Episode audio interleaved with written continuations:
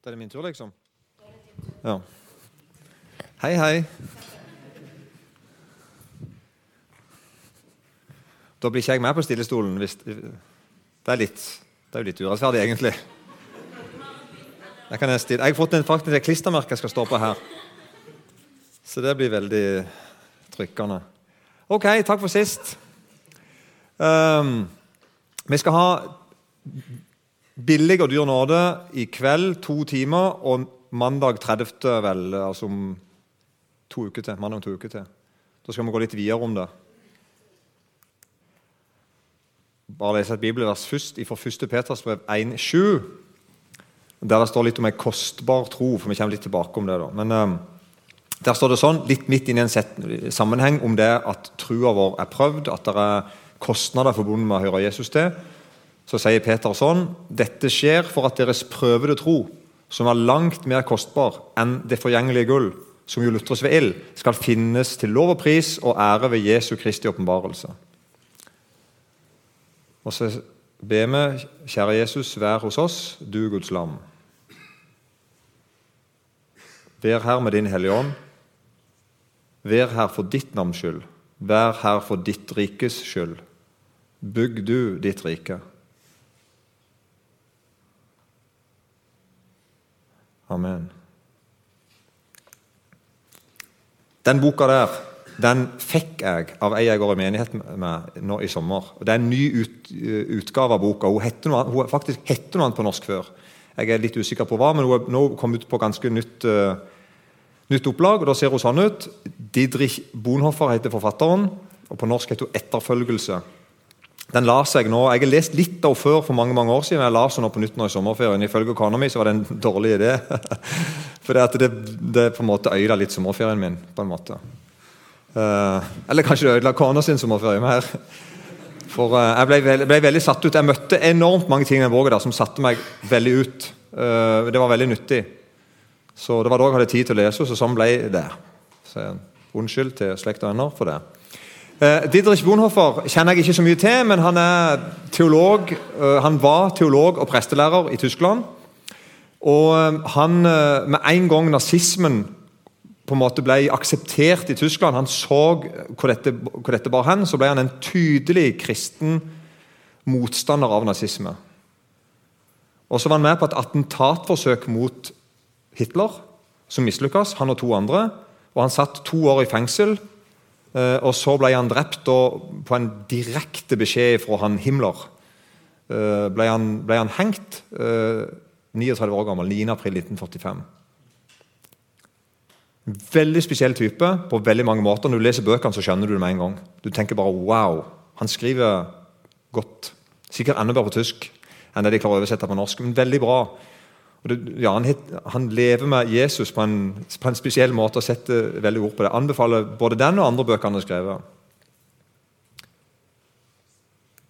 Han etablerer, så langt jeg vet, kanskje ordene finnes fra før, men jeg i hvert fall henter ordene, begrepet dyr og billig nåde derifra. bare så, så, er det sagt. Og Så kan du godt spørre om hvorfor bruker vi sånne ord. For fin, altså, Nåde er jo et ord som, som på en måte ikke vi tuller med. Nåde er nåde. Hvorfor skal vi drive og snakke om billig og dyr nåde som om det fins flere nåder? For det gjør det jo ikke. Allikevel mener jeg både nå i kveld og neste mandag så mener jeg at det er veldig viktig å snakke om nettopp dette. For egentlig er, Nåde betyr vel egentlig stort, det betyr vel egentlig gratis. Bokstavelig talt. Nåde betyr gratis. Og Når vi snakker om Guds nåde, så tenker vi altså på noe vi får gratis av Gud. Og der, er jeg, vet ikke, jeg vet ikke om et bedre ord enn nåde i Bibelen. Som, som sier, altså Det er på en måte noe som er Det er et fantastisk ord. Jeg har mista en sønn, og på gravsteinen hans står det bare ett ord utenom hvem han er og når han døde, og sånn, og det er nåde. Det er det beste ordet jeg vet.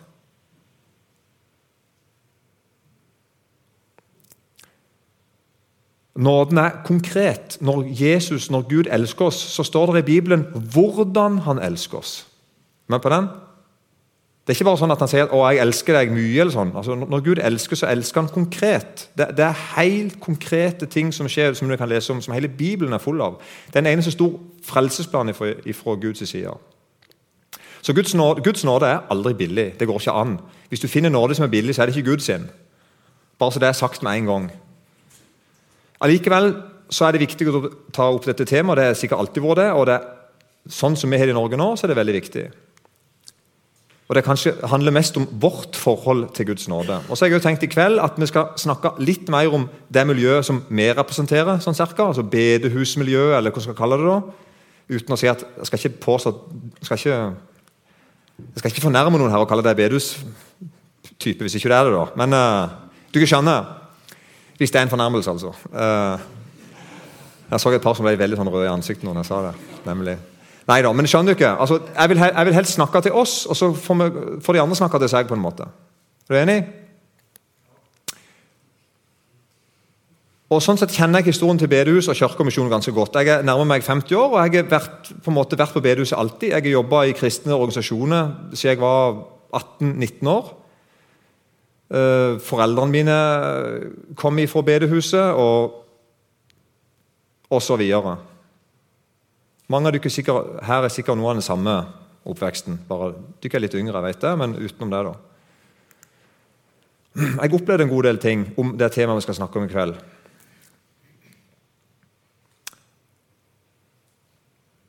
Jeg er blitt stoppa, skriver jeg her, ydmyka og vært forvirra. Og jeg er samtidig kommet nærmere Jesus. Jeg har gjenoppdaga sannheten, og jeg har omvendt meg. Eller kanskje enda rettere jeg er blitt omvendt. Gud har omvendt meg. Så bedehusbevegelsen, eller misjonsbevegelsen, på en måte, hva skal vi kalle oss da? Vi har en kort og oppsiktsvekkende historie. Det skal jeg bruke bare to-tre minutter på nå først. Ikke mer, men to-tre minutter, det fortjener det. Når min farfar når han ble kristen som 20-åring, så fantes det ikke bedehus på Sørlandet. Så kort historie har bedehuset. Da kan du si at ja, ja, nei, du er gammel, og så er farfaren din gammel. Ja, ja, Men allikevel, det, det, det, er bare to generasjoner før meg. på den. Da fantes ikke begrepet bedehus, fantes ikke, og slettes ikke bedehus. Så kort historie har bedehusbevegelsen. Og de Bedehusbevegelsen, forkynnerne deres, medlemmene deres, tingene de gjorde, det, det kom på første side av avisen veldig ofte. Det var sterke debatter. Nå kan jeg bare snakke for Sørlandet, som jeg kjenner best fikk gjerne førstesidesoppslag, det de holdt på med, for de var helt tullete. De, de, gikk mot alt det andre gjorde, og de, de, de, på en måte rulte. kan du godt si. De setter standarden for alt mulig og bare kinna på. De kunne reise beløp, pengebeløp som store selskap bare kunne drømme om. Bare sånn så hadde de det. Et misjonsstevne de skulle ha bare ikke langt der jeg kom ifra. kom det 3000-4000 stykk på stevnet. Og Hvorfor det? Jo, for de hadde møtt noe helt radikalt. De hadde møtt Guds nåde sjøl. De hadde møtt et kall til at den, dette vi har opplevd, det er vi nødt til å forkynne til hele verden. Helt spesielt folk. Så jeg, jeg, jeg, gjør et poeng av at det er en ganske kort historie og at han er oppsiktsvekkende. Altså Rett før det, da, Hans Nilsen Hauge, du, du hørte navnet hans sitt, han var, han var på en måte sånn bedehusets far. og Det eldste bedehuset i Norge står i Skien og heter Hauges Minde. Så, så Det var det sånn første bedehuset ever i Norge. Det står i Skien, og det fins visstnok ennå. Når han levde, så var det 900 000 innbyggere i Norge. Og Uten TV og radio og Internett og alt mulig, så klarte så skjedde, han klarte ikke glem det, så skjedde det at 300 000 av dem ble haugianere, liksom. Men på den, Av de 900 000. Hva tenker deg? En trener av Norge liksom, ble med på det der han holdt på med. Skjønner du? Det, det er helt vilt. Sånn er det. Og Det jeg har lyst til å si i kveld, er det er ikke sånn der, å, så fint alt var før. Glem det. Jeg tror ikke alt var fint før heller. bare så det er sagt. Jeg er egentlig veldig glad jeg ikke levde før. for å si det rett ut. Men, men, men poenget mitt er dette kan skje igjen òg her. Så det er ingen unnskyldning her liksom, at ja, vi lever i en tid der dette ikke går an. og sånn. Glem det. Glem det helt. Det er løgn. Vi lever fortsatt i en tid der alt kan gå an. Vi lever i en nådetid. Så dette er ikke på en måte sånn mimring om hvor, hvor godt alt var før. og så det blir ikke sånn mer nå. Glem det. Det er tvert imot bare, det er en veldig kort historie vi har. Og Det er ingen grunn til at vi skal liksom pakke sakene nå. Det er ingen grunn til at vi skal si at ja, nå ser det ut som konjunkturene og statistikkene peker visst den og den veien. Glem det.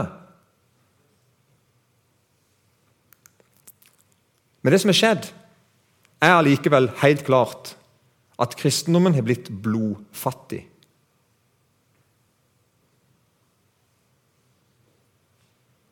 Da tenker jeg på to ting. Jeg tenker på forkynnelsen om Jesu blod, om syndenes forlatelse, om vendelse, om et nytt liv og en ny start. Jesu blod og ditt blod. Livet som kristen, kostnadene med å være kristen, valgene du må ta. Det er blitt blodfattig kristendom veldig mange plass. Og selvfølgelig er vi prega av det. Selvfølgelig blir vi prega av noe som skjer når det, når det, kommer inn i våre miljø. Og jeg, jeg da, Min påstand, så heng meg hvis dette er feil, eller hvis ikke du er enig. Uh, ikke ta noen andre, altså. Det er ikke noe sånn, Dette baserer jeg på ditt og datt, men det, dette opplever jeg inn på livet mitt. Jeg opplever at det er sjeldnere når jeg hører gode vitnesbyrd om Jesu nåde, Guds nåde, syndenes forlatelse. Det er sjeldnere enn hører om folk som får et nytt liv i mange av de uh, miljøene som jeg kommer ifra, på en måte som jeg representerer. Og det er livsfarlig når det skjer.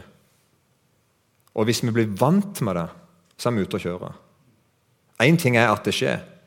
En annen ting er at vi blir vant med det. Kanskje til vi begynner å forklare hvorfor det er sånn hos oss. At ingen ble kristen i fjor.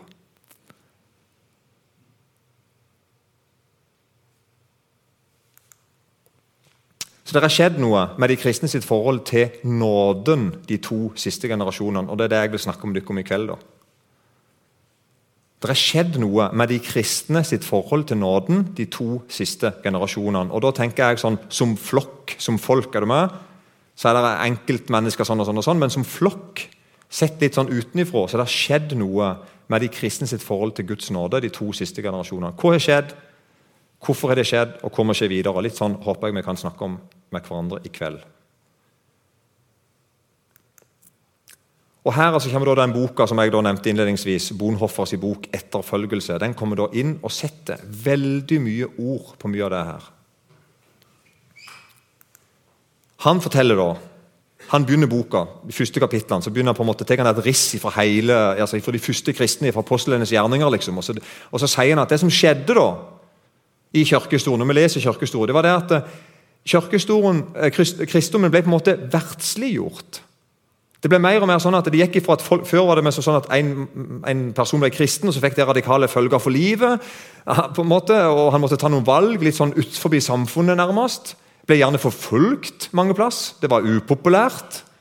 Og så ble det til meg som at de kristne kom i en slags flertallssituasjon. Og Så begynte de å få makt og innflytelse, både politisk og religiøst. Og så skjedde det at kristendom ble egentlig verdsliggjort. Altså Det ble tilpassa folket, på en måte. Er du med på den? På en måte, ja, Det ble sånn institusjonsaktig rundt det. Vi, vi fikk, eh, ja. En kunne på en måte være, eh, en kunne liksom være kristen uten å følge Jesus. Uten å gi opp alt og omvende seg. Er du ikke med? Er du ikke med på den? Det er som bare skjedde. Det bare ble sånn en, en slags tilpasning. Kristendommen fikk på en måte Før var det sånn at å bli kristen var sånn at oi, stakkars han, han kommer til å dø snart. Til liksom, ja, Det var nesten motsatt. Og nåde, da den, for, for, Tankegangen om nåden ble mer sånn en slags fribillett til å synde. Før synda jeg, og så var det galt av meg, og så kunne jeg gå fortapt. Men, men nå kan jeg synde med god samvittighet. Er du med? Altså, nåden ble sånn rar, ble oppfatta helt rart. Feil. Og så fikk på en måte kirka, nå snakker jeg om for 1000 år siden og for, og for 500 år siden, så fikk kirka liksom en slags alibi. da, altså at det, det står jo mye her om å, om å, dele alt, og det står mye her om å leve radikale liv, og det står mye her om å ditt og datt. ikke det sånne, De der tingene de leser om i, i apostlenes gjerninger. og Da kunne vi som kirka si ja, vi har nonner og munker til å gjøre sånn. Vi har noen spesielle folk som driver på med det. Så Det ble, det ble på en måte alibi til alle oss andre. da. Er du med? Som, vi, har noe, vi har noen som sånn tar helt ut. Det er der oppe. Kjempebra folk. Helt fantastiske folk. Så på en måte vi kunne nærmest si at de gjør egentlig dette nærmest på mine vegne òg, mens jeg går ut og jobber helt vanlig liv. Så det ble veldig sånn rart. Det ble liksom, Klosterlivet ble for de spesielt interesserte, de fanatiske. liksom, Og så kunne vi andre normale vi kunne da støtte nonnene. Jeg skulle skrevet munkene, selvfølgelig, i likestillingens tidsalder. Støtte til munkene òg. Hei, hei. Så det er sagt det. Og vi andre normale kristne vi kunne da leve våre liv. Litt sånn ble det. Og litt sånn er det. Og Forkynnelsen som Jesus og disiplene hadde i Bibelen om å ta sitt kors opp, eller om å miste, sitt, e, miste seg sjøl, eller om å bli forfulgt eller bli lygt på for evangeliet sitt navns skyld, det ble egentlig mer og mer fjernt fra den vanlige, gjennomsnittlige kristne. Det var liksom forbeholdt de mer interesserte. Og Kristne begynte til med å takke Gud for at de slapp alt dette. Og Det er en ting som vi skal snakke om neste gang. håper jeg. Og Jeg driver faktisk og skriver litt om det nå for tida, for det er, det er noe jeg oppdager. Vi takker Gud for takk Gud at jeg slipper å bli forfulgt for navnet ditt skyld. Og så sier Bibelen at alle som hører Jesus til, skal bli forfulgt. Er du med? Det er, det er, noe, er, det er noe gale her en plass.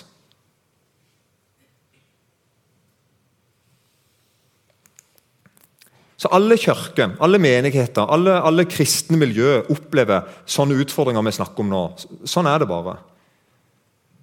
Det kan være forskjellige grunner til det. Også i Norge er det sånn. Og jeg, jeg har hørt på Kurt Westman, som var her forrige gang. vel. Jeg kan anbefale å gå inn og høre på, på den Logos-podden. Der hadde han forrige gang om Daniel. Han hadde om kostnader med å være kristen. og Da beit jeg meg merke i to ting Daniel og vennene ble frista til. Det var livet i luksus, og det var å kompromisse med kristendom. Det var de to tingene som jeg vet Kurt Westman spesielt uh, han sa flere ting. Jeg, jeg merka meg særlig de to tingene. At Daniel ble, kom, inn, kom inn i et miljø der de tilsynelatende sa at du må bare dyrke guden din og holde på med det som du vil. Uh, og så tenkte de at når, når, du lever i luksus, vil du kanskje heller velge oss i stedet for det du tror på. Og så sa De jo at det ikke, på en måte, de prøvde å konstruere en slags forestilling om at det ikke er en motsetning mellom å tro på den guden du tror på, og gjøre det vi gjør. Invitere til kompromiss. på en måte. Og så Etter hvert blir det avslørt at det var jo ikke sånn. De ønskte faktisk ikke at han skulle tilbe sin gud. Så litt om billig nåde, da. Billig nåde det er tilgivelse som en allmenn sannhet. Er dere med på, med på setningen? Det er liksom bare, det er liksom bare sånn en slags allmenn sannhet, en slags oppfattelse av Gud. Ja, nåde det er tilgivelse. Billig nåde har noe sånn med seg. Det er en slags Guds kjærlighet eh, ja, Ifølge kristendommen så er Gud nådig. eller sånn. Det er på en måte, Billig nåde blir bare en slags forståelse av at én pluss én er to. Det er liksom sånn jeg sier men Gud er jo nådig, eller Er du med på den? Jeg får sånn et Er du ikke med på hva jeg mener? Det er liksom bare sånn Ja, det er, en, det er sånn, sånn er det. Ja da, så, så det, det er fint. Viktig, det. Litt sånn blir det. Eller billig nåde. Det er en slags et, Billig nåde er et teoretisk møte med Gud. Og hvordan det i teorien oppleves å møte en Gud som i teorien er nådig. Det blir litt sånn. Er du ikke med? Det blir bare en slags gjenfortelling av noe du har lest at noen visstnok påstår om Gud. Men det er ikke et møte du sjøl har hatt. Det er en teori om et møte du tenker det går an å ha. eller noe sånt. Og Vitnesbyrdene til folk som har teoretisk møte med Gud, som er i teorien uh, nådig mot deres teoretiske synder, den er jo stort sett drittkjedelig å høre på. For du hører jo at dette er bare en oppramsing av tre-fire sannheter. Og så merker du at det, er, det ble liksom bare med det. Alt som ble sagt, var egentlig sant. Men det var et eller annet som mangla med det likevel. Er du ikke med? Så billig nåde blir på en måte upersonlig og falsk. Det er ikke et ekte liv.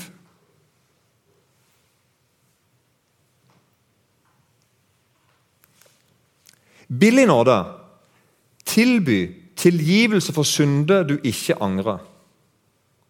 Frihet fra synder du slettes ikke ønsker å bli kvitt. Du trives i synder, egentlig. Er du med?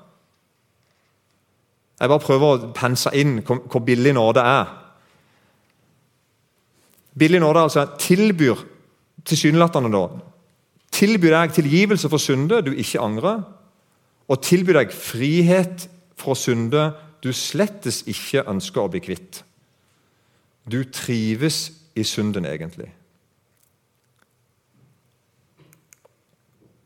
Billig nåde rettferdiggjør synden, ikke synderen. Det er akkurat som at det er et budskap om at det, det er ikke så farlig å synde. Eller om at Gud ser mellom fingrene på det. Han er blitt på en måte litt mer raus eller medgjørlig i forhold til det. Noe sånn. Det er jo et misbruk av Guds nåde. Soleklart. En majestetsfornærmelse av det Gud har gjort for oss. Og det til og med høres kristelig ut.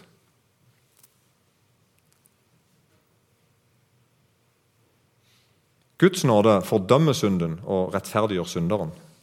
Ok, Forskjellen på kristne i anførselstegn og ikke-kristne i anførselstegn, da mener jeg bare sånn som vi som deler oss inn i, sånn menneskelig, det blir egentlig ikke noe annet enn at de kristne har fått lov til å synde eller blitt tilgitt. Det blir på en måte bare forskjellen. Livene er like, interessene er like, humoren er lik. Alt er likt. på en måte. Det som er viktig i livet, er likt, det som ikke er viktig i livet, er likt. Det du er redd for, er likt. og Det du er ikke, skjønner du? Altså, det blir på en måte likt. Bortsett fra at kanskje du må gjøre et eller annet greier på søndag. eller sånn. Her skrevet med liten skrift. Mulig at kristne må stille opp på diverse arrangement. og sånn. Så det, sant? Litt sånn er det. Litt forpliktelser har du. Men utover det så har denne her, det vi snakker om, en billig nåde, og det er utviskinga av utvanninga av kristendom, skulle jeg si, den får dette her med seg.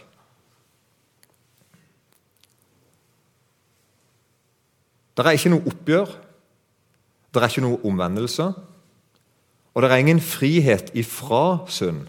Men det er frihet til å synde, men ingen frihet fra synd.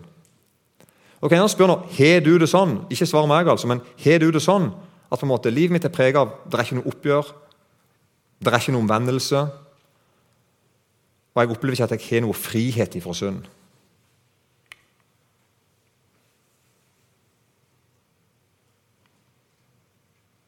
Billig nåde kan ikke hjelpe deg når alt kommer til alt.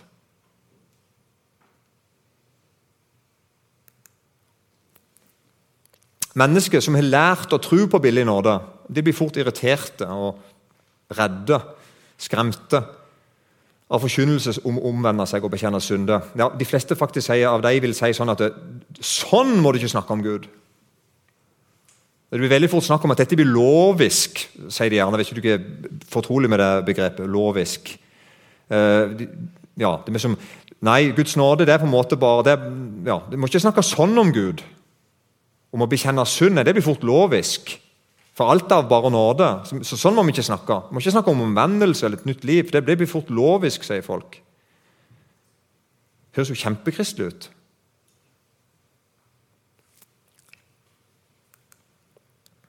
Trøst eller trist? spørsmålstegn.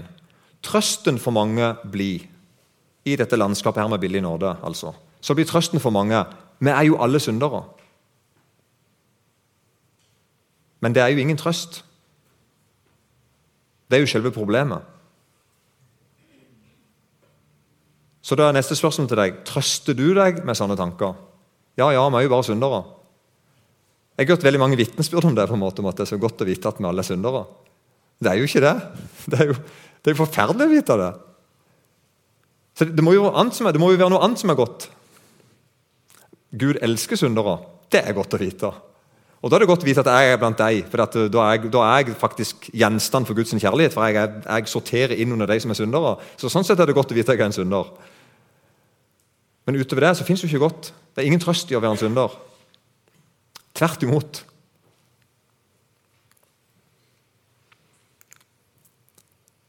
Billig nåde den har noe forkynnelsen og forståelsen på en måte av billig nåde som jeg nå prøver å lage et bilde av den har på en måte det med seg at det å følge Jesus er på en måte ett av flere alternativ for den som er kristen. Du kan f.eks. gjøre det litt eller mye, eller du kan gjøre det seinere en gang. Eh, for de som på en måte tror på billig nåde, så vil det å, høre, det å være en kristen og det å følge Jesus vil, vil bli sett på som litt sånn to litt forskjellige ting. Litt som det jeg sa innledningsvis om nonnene i klosteret. Altså, ok, Noen ting er helt ut. Det er helt greit. Fint for deg. Men, men, jeg gjør det ikke. Men jeg hører Jesus det. Altså Litt sånn blir fort tanken om det. Og det å følge Jesus og det å høre Jesus til blir, blir av da noen sett på som to helt forskjellige ting. Og som, og som, jeg egentlig kan velge. Jeg kan høre Jesus til og ikke følge han. Og jeg kan høre Jesus til og følge han. Jeg kan følge han mye eller litt, og jeg kan vente litt med å følge han, for akkurat nå holder jeg på med noen greier. Er ikke med på det? blir fort sånn en, en, egentlig en deling av en teori og en praksis. Det er det vi egentlig snakker om. Liv og lære henger ikke i håp. Det er det det egentlig er snakk om. Normen. Sånn tenker vi ikke. Så det å høre Jesus til, eller være en kristen, som det heter, det blir noe annet enn å følge han. Følg meg. Matteus 9,9. Der står det sånn Da Jesus gikk videre derfra, så han en mann ved navn Matteus sitte ved tollboden. Han sa til ham, 'Følg meg.' Og han sto opp og fulgte ham.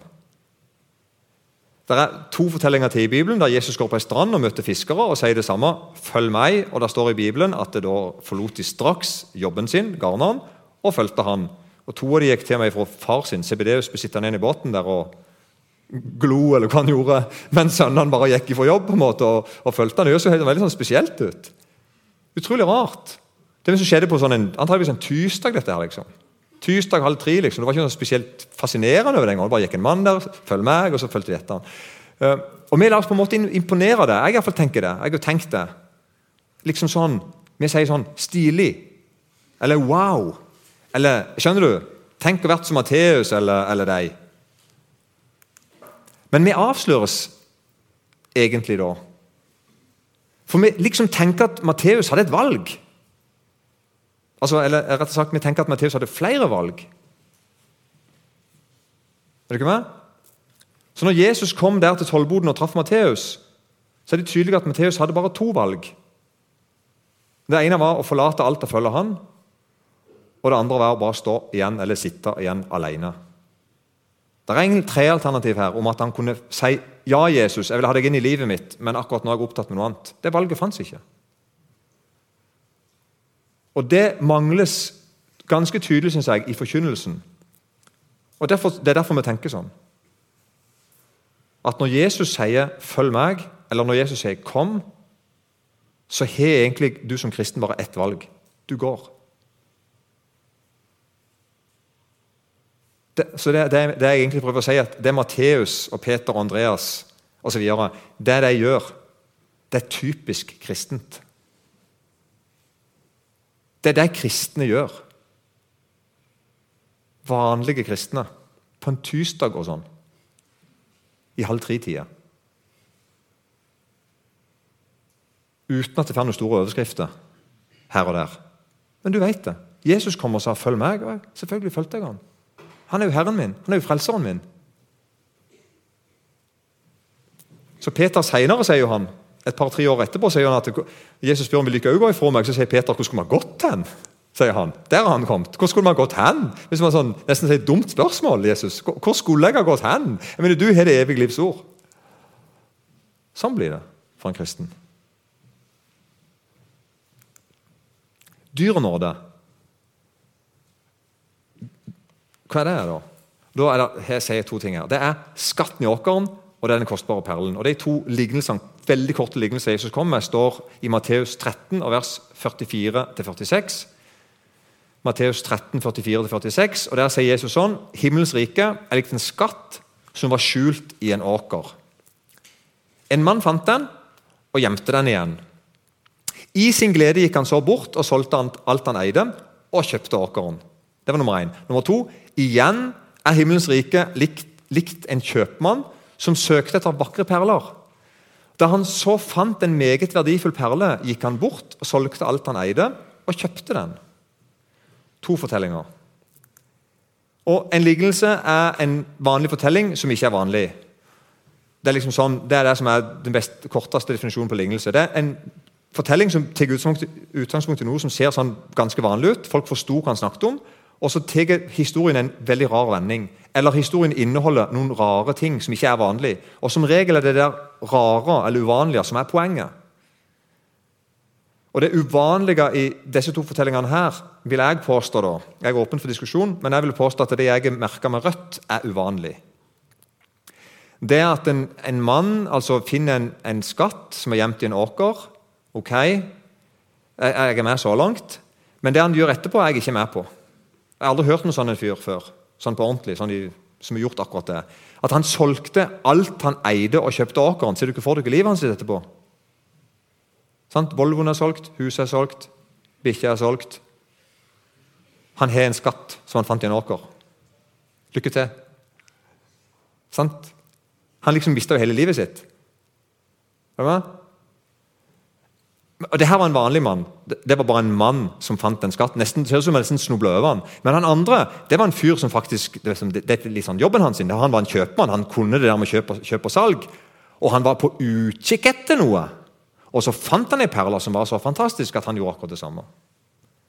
Han solgte da alt han eide, og så satt han igjen med ei perle. Lykke til. Ha det fint. Ikke sant? Skjønner du ikke? Det er, jo, det er jo helt merkelig. Det er det Jesus forteller.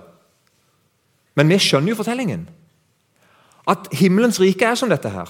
At når et menneske finner himmelens rike Altså Finner Guds nåde, det er jo det som er inngangen til himmelens rike, og som er livet i Guds rike, og som er alt egentlig i Guds rike. så er det, det er Guds nåde. Når en kristen, når et menneske finner Guds nåde, så er det det som skjer. Du solgte alt du eide for å få den greia. Enten du var som han første som nærmest snubla over det, eller det var som han andre som driver og leita litt og fant det. Og du, Hvis du hadde spurt de to der Ta den første, da. Vi tar den første først. Så kaller man Gunnar. Eh, Gunnar som da altså solgte alt han eide for å kjøpe den skatten han fant skjult i en åker. litt sånn tilfeldig, Så spør vi han hvor mye ga du for skatten. Hvor mye kosta den egentlig? Så jeg er sikker på Han hadde, ikke, han hadde brukt et, to sekunder på å snakke med deg om det. Det han ville snakke om, var jo skatten. Er du enig? Men vi ser jo at det koster han alt. Men han forteller at det, det interesserer meg ingenting. For det var dette jeg ville ha. Og så han andre, han kaller da Trygve. Han kjøpmannen da, Så spør vi han Trygve, hvor mye ga du for denne her perla di. Så han vil si det samme. Han vil bruke veldig kort tid på å snakke om det, og så vil han bare snakke om perla. Sånn er det for alle de som begynner å bli kjent med Guds nåde. Det er poenget til Jesus her. Og Folk rundt vil tenke på wow, det var svære kostnader. For det er færre kostnader. Vær du sikker. Det koster å høre Jesus til. Men du vil si ja, ja, men jeg vil jo ha det. Altså, Jeg ville jo ha det. Jeg fant det, jeg snubla over det kanskje, eller jeg fant det etter å ha leita lenge. samme det. Men jeg vil ha det.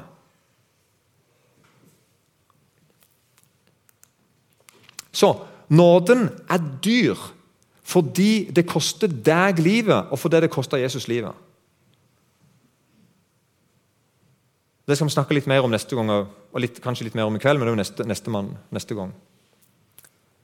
Eller som det står i første kor, Korinterbrev kapittel 6 og vers 20.: Dere er dyrt kjøpt. Altså, Nåden er nåde fordi du får et nytt liv. Et liv hos Gud. Et liv i Gud.